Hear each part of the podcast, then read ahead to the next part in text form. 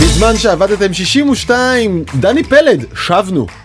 איזה קטע, מלא זמן לא נפגשנו. היינו כאן אתמול, נכון. חזרנו היום עם פרק נוסף מיוחד. נזכיר לכם שאתמול, מי שניגש לפרק הקודם, פרק 61 בפלטפורמות הפודקאסטים הקרובות למקום מגוריכם, תקבלו באמת פרק מיוחד שמסדר לכם את העולם, איך התככים והמאבקים הדיפלומטיים, כלכליים, טכנולוגיים, יחד עם הקורונה, יחד עם מחסור, יוצר מדפים ריקים בסופרים, בעולם. פאניקה של אנשים. פאניקה של אנשים, מכולות שתקועות בים, מחירים האמירים של השילוב, המון דברים שסידרנו אותם ביחד.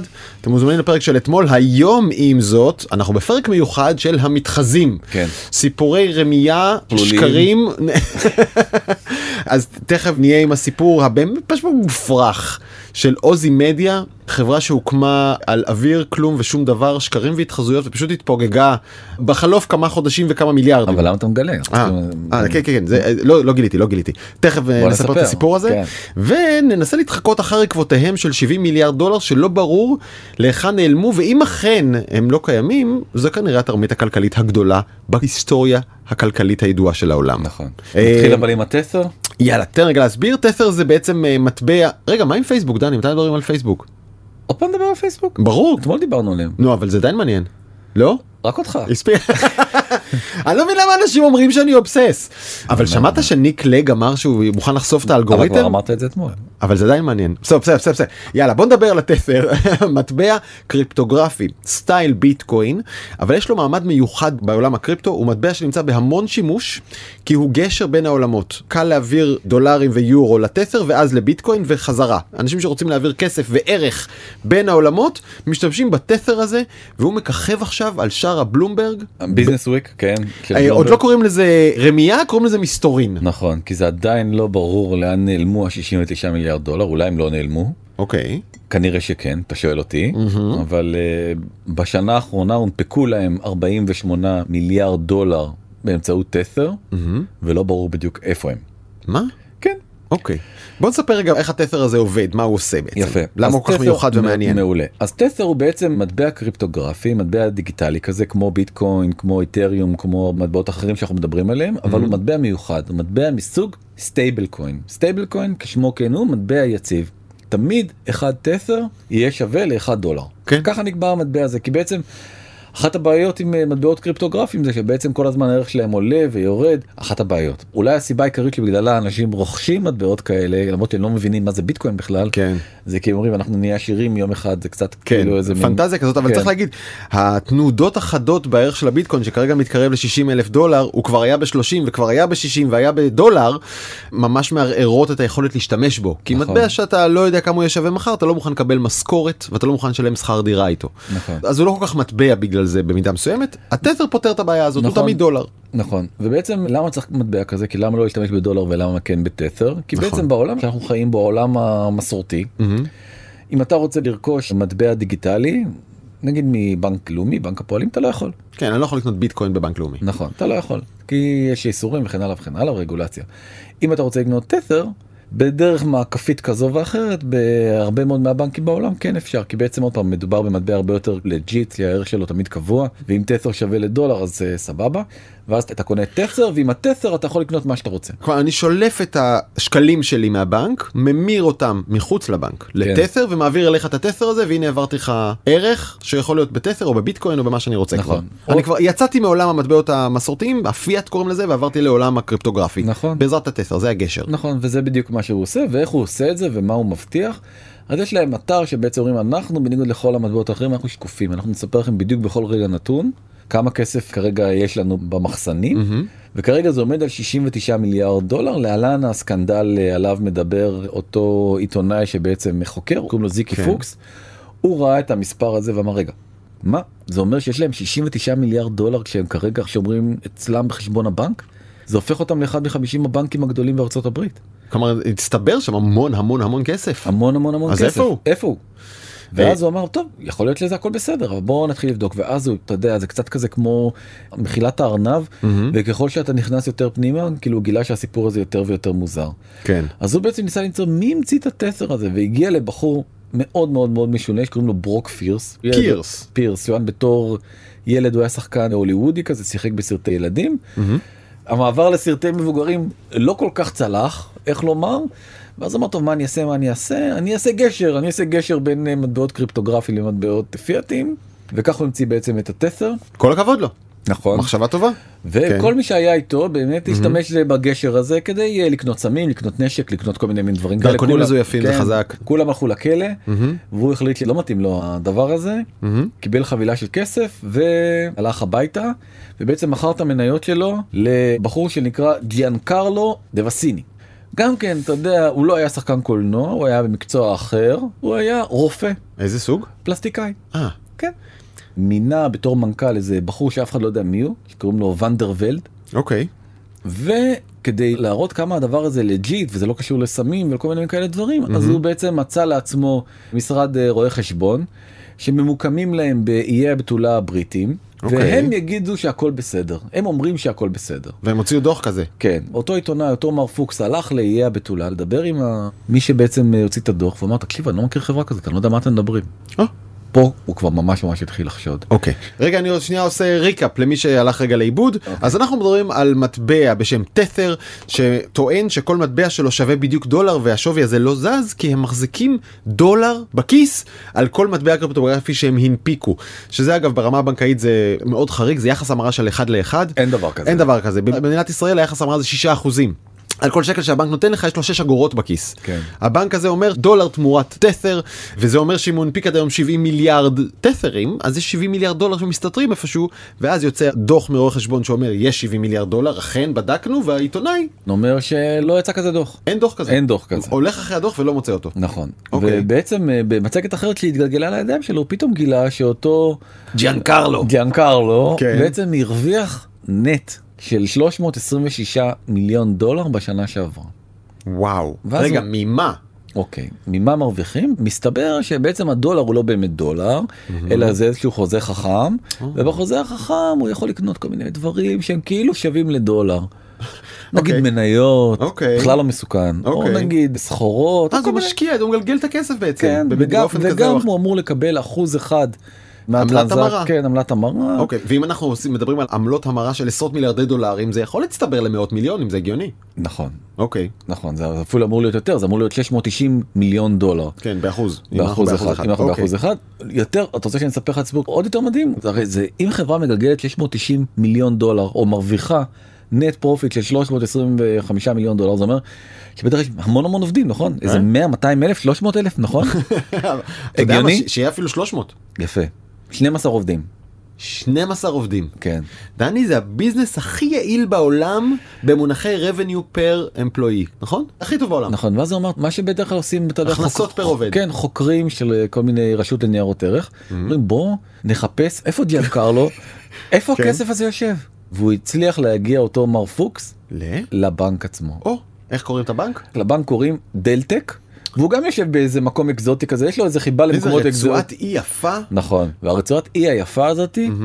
היא נמצאת באיי הבאמאז. בסדר, אתה יודע, מסמכי פנמה הראו שמיטב שועי העולם מחזיקים את כספיהם ברצועות חוף יפות. נכון, אז גם גיאנקרלו לא שונה מהם, והוא שם את הכסף שלו בחברה שקוראים לה דלטק ובנק. נסע כן. אותו עיתונאי חרוץ, בכלל נראה לי ג'ו בחלומות לנסוע לכל המקומות האקזוטיים האלה אחד אחרי אתה השני. מתקשר- אבל- מתקשר כזה למערכת כן. כן, לא לא לא הסטורי שהעליתי באינסטגרם זה- כן, אני אני- בעבודה זה אני- תחקיר, זה תחקיר כן. מדובר פה בתחקיר. הוא נסע לו לאיי הבאמאז ופגש את בעלי הבנק. כן. בעלי הבנק זה בעצם ז'אן צ'לופין. אוקיי אותו ז'אן צ'לופין, אישיות מאוד מאוד מפורסמת, כי הוא עשה את הכסף שלו שממנו הקים את הבנק. בזכות דמות מצוירת שמאוד אהבנו. מפורסמת מאוד כן. קוראים לה אינספקטור גאטלט זוכר את זה? מכוכבי ילדותי הכי גם אהובים שלי, עליי כן ממידל איסט טלוויז'ן שהיית רואה את זה עם שלג נכון אתה זוכר נכון. עם האנטנה עם וצריך האנטנה לעלות והשלג לגג ו- כן. ו- אבל יוצא לו הליקופטר מהראש והידיים שלו מתארחות וזכוכית מגדלת פשט. אז אז אה, הוא עשה כל כך הרבה כסף והדמות שהוא הקים בנק כן. איזה מלך של בן אדם הוא מכר את החברת הפקה כן קנה לו בית ורוד ב... לא נו כן בחיי באיי הבאמאז אתה רוצה עוד פרט טריוויה מדהים נו. הבית שלו כן. צילמו בו את קזינו רויאל של ג'יימס בונד כן. וואו כן. חתיכת בית כן, וישב איתו לקפה, הוא אומר שהבחור מאוד מאוד נחמד, אבל אה, אותו ז'אן אמר לו, תקשיב, לא יודע לאיזה 69 מיליארד דולר, לי בבנק יש 15. שלהם 15 שלהם. של תת'ר.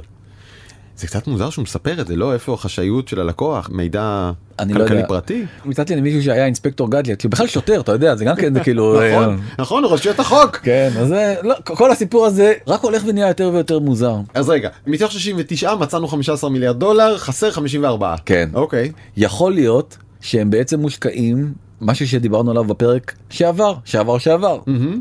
וזה בעצם בניירות ערך של אברגרנד. כן, חברת הסינים. הנדלן הסינית שנמצאת עכשיו על סף חדלות פירעון, אם לא שנייה אחריה. אז יש חשש גדול שחלק מהכסף הזה שוכב שם.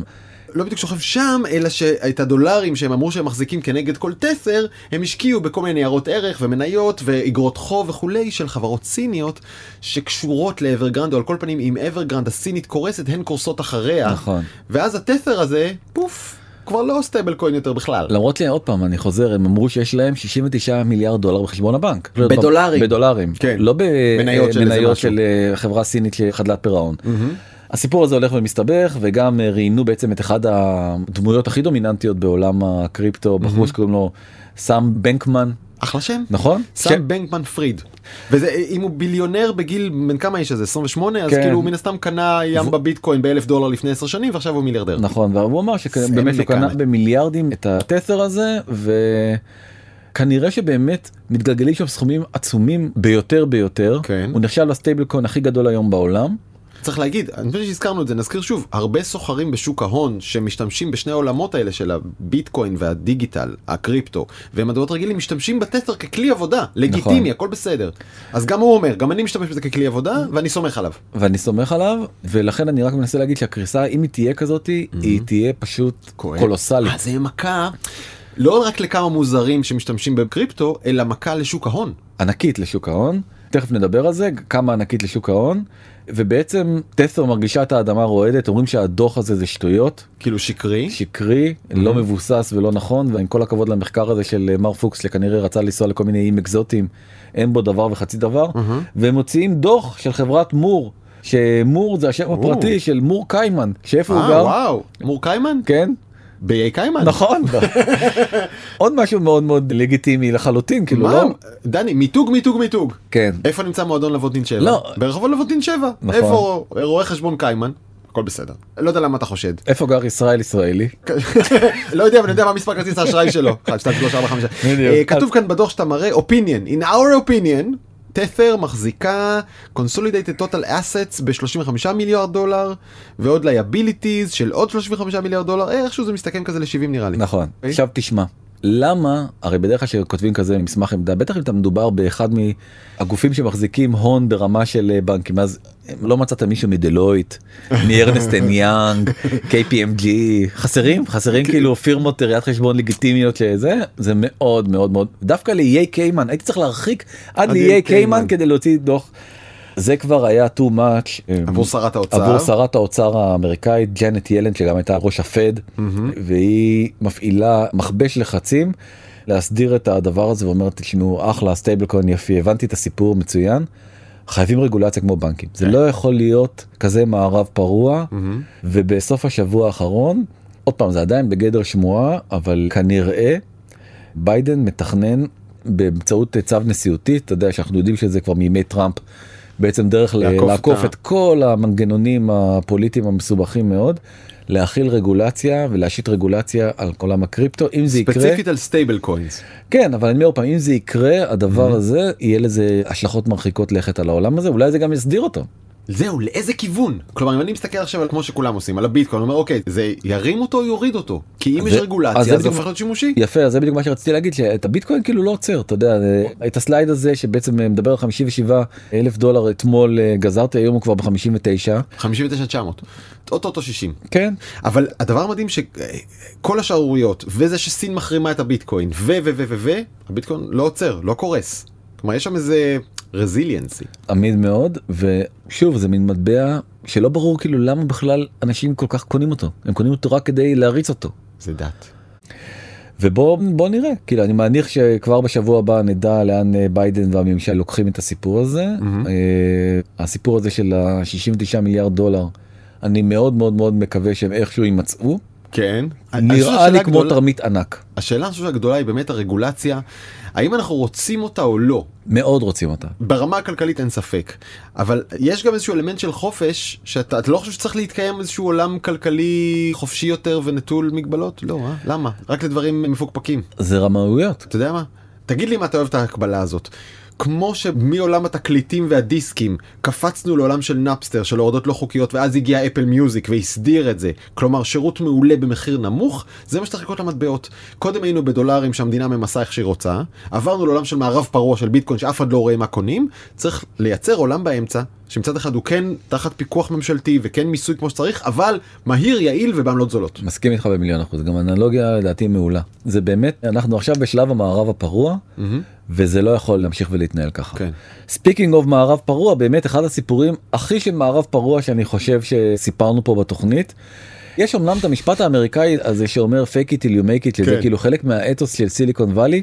את המשפט הזה הזכירו הרבה אז במקרה של אה, אליזבת הולמס ו... עם אה, בדיקות הדם, עם ובדיקות הדם. ההבטחות המטורפות. כן, זה פשוט הופך להיות אה, השם השני של סיליקון וואלי וזה מאוד מאוד מצער ואני אספר לך סיפור באמת לא יאמן. אפי אין איך לתאר אותו.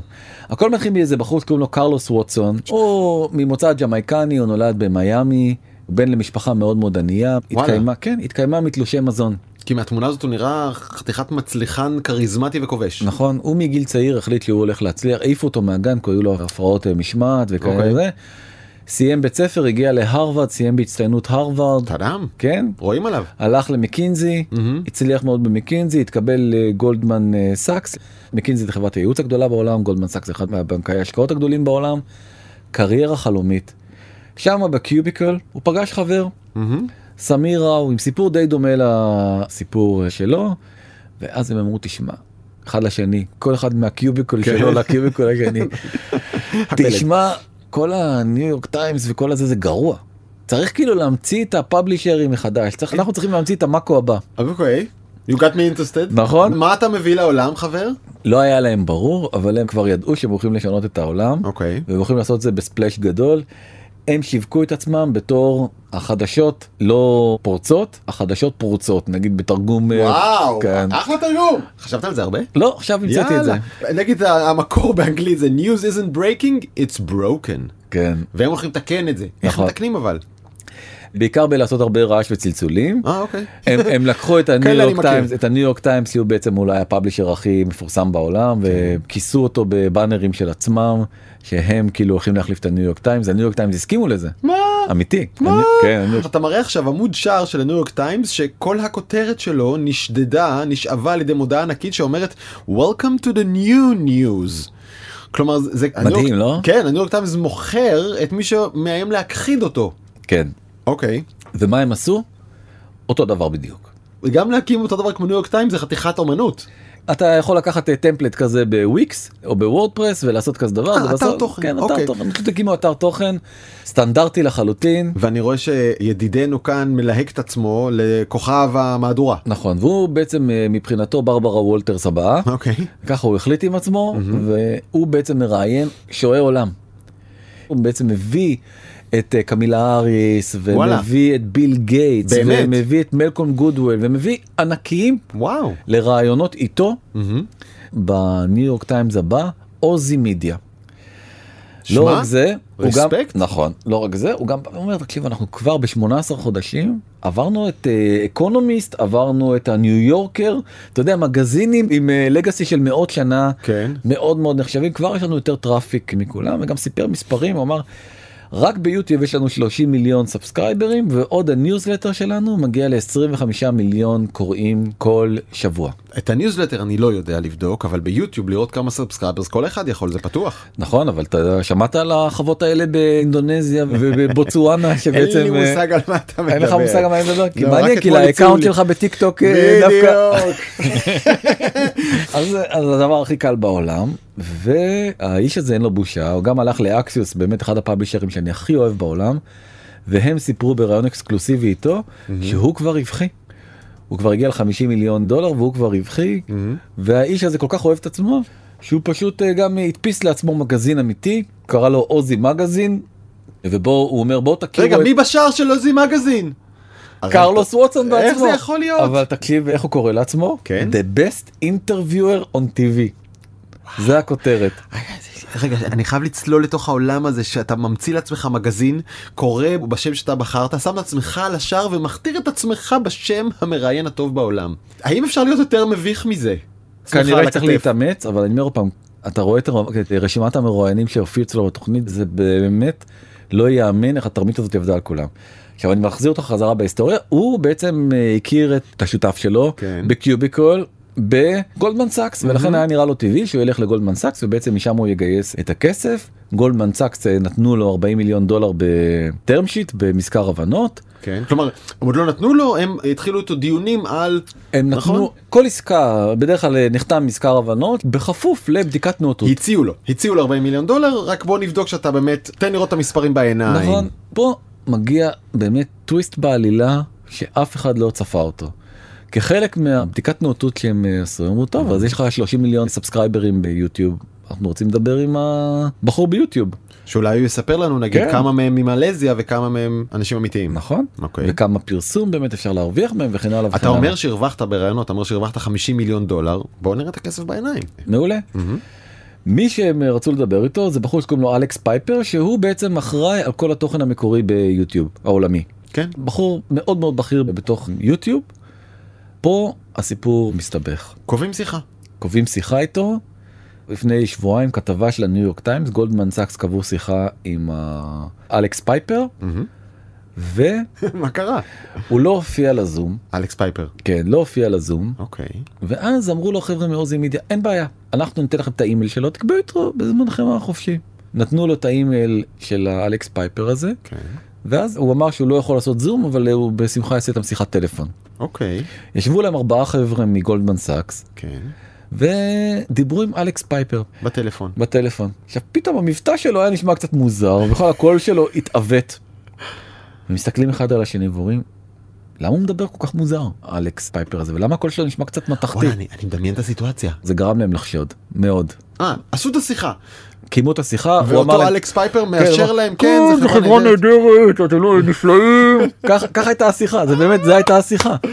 נסתיימה השיחה הם מסתכלים אחד על השני ארבעה אלה משהו פה מוזר. ואז הם אומרים טוב בוא ננסה להגיע אליו לא דרך האימייל שעוזי מידיה נתנו לנו נדלקו להם כל הנורות אזהרה והם אה, פשוט אה, התקשרו לחברת גוגל אמרו תעביר אותי בבקשה לאלכס פייפר דיברו איתו מעולם לא דיברו איתו עם אלכס פייפר האמיתי מעולם לא דיברו. Hey Alex, it's us from Goldman Sachs. How are you doing? Yeah, I know we've just uh, spoken five minutes ago. And he's like, no. Who are you guys? כן בדיוק זה, לא דיברתם איתי. זה הסיפור חזרו חזרה לעוזי מידיה. ואז אה, הוא אמר מה מסתבר שזה היה סמיר ראו הזה ואז הוא התחזה להיות אלכס פייפר. נכון. כן, ואז הוא אמר להם, מה זה בדיחה, לא צחקתם? לא מצחיק. כי זה מה לא. שהוא ענה להם, באמת. די. כן. צחקתי איתכם. כן, זה בדיחה. אנחנו לא, צוחקים על 40 מיליון דולר בטרם שיט. כן, הסיפור הזה התפוצץ בניו יורק טיימס. ואז עוד תפנית בדבר הזה, מסתבר שהם סיפרו גם כן בתוך רגע, ה... אבל ברגע זה אתה אדם מחוק, לא אתה, אתה גבייתך מוטלת ברחובות הסיליקון ואלי ואף אחד לא ידבר איתך יותר. אז זה מה שחשבו שיקרה, זה לא קרה. מה? כן, כי הם הכחישו, אמרו שזה סתם הייתה מתיחה. וזה היה דחקה כאילו בין חברים מגולדמן סאקס, כי גם הם מגולדמן סאקס, וזה היה זה. יומיים אחרי זה, אוקיי. שרון אוסבורן מספרת שהם גם השתמשו בשם של עוזי אוסבורן, כי הם קוראים להם עוזי מידיה, כן.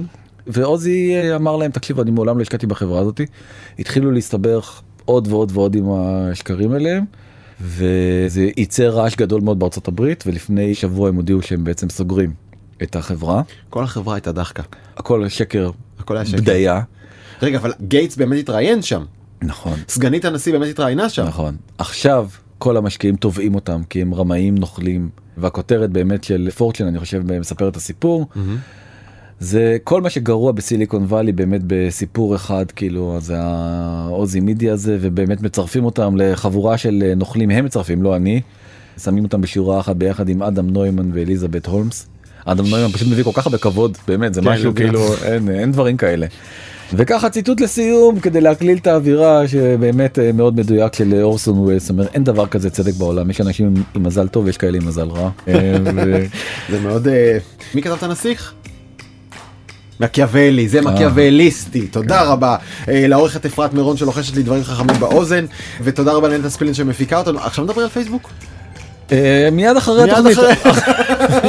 אה, עד כאן בזמן שעבדתם תודה רבה לכם שהייתם איתנו אתם מוזמנים להקשיב לנו באפל ספוטיפיי. פודקאסט ספוטיפיי כל פלטפורמות הפודקאסטים הקרובות למקום מגוריכם אנחנו גם ב-12 פלוס האפליקציה החדשה מבית קשת אם עוד לא הגיעה לכם תעשו רפרש היא ממש ממש בדרך מחליפה את מאקו TV אם לא אז אנחנו במאקו TV ובשידורי קשת אה, וואטספו לנו ב-03-76766012 או תשלחו לנו מייל בזמן את קשת מינוס tv.com נגיד תודה גם לחברים שלנו דנה גוטרזון וזוהר צלח בנקסטר עד כאן דני פלד תודה רבה תודה רבה דרור. ביי ביי.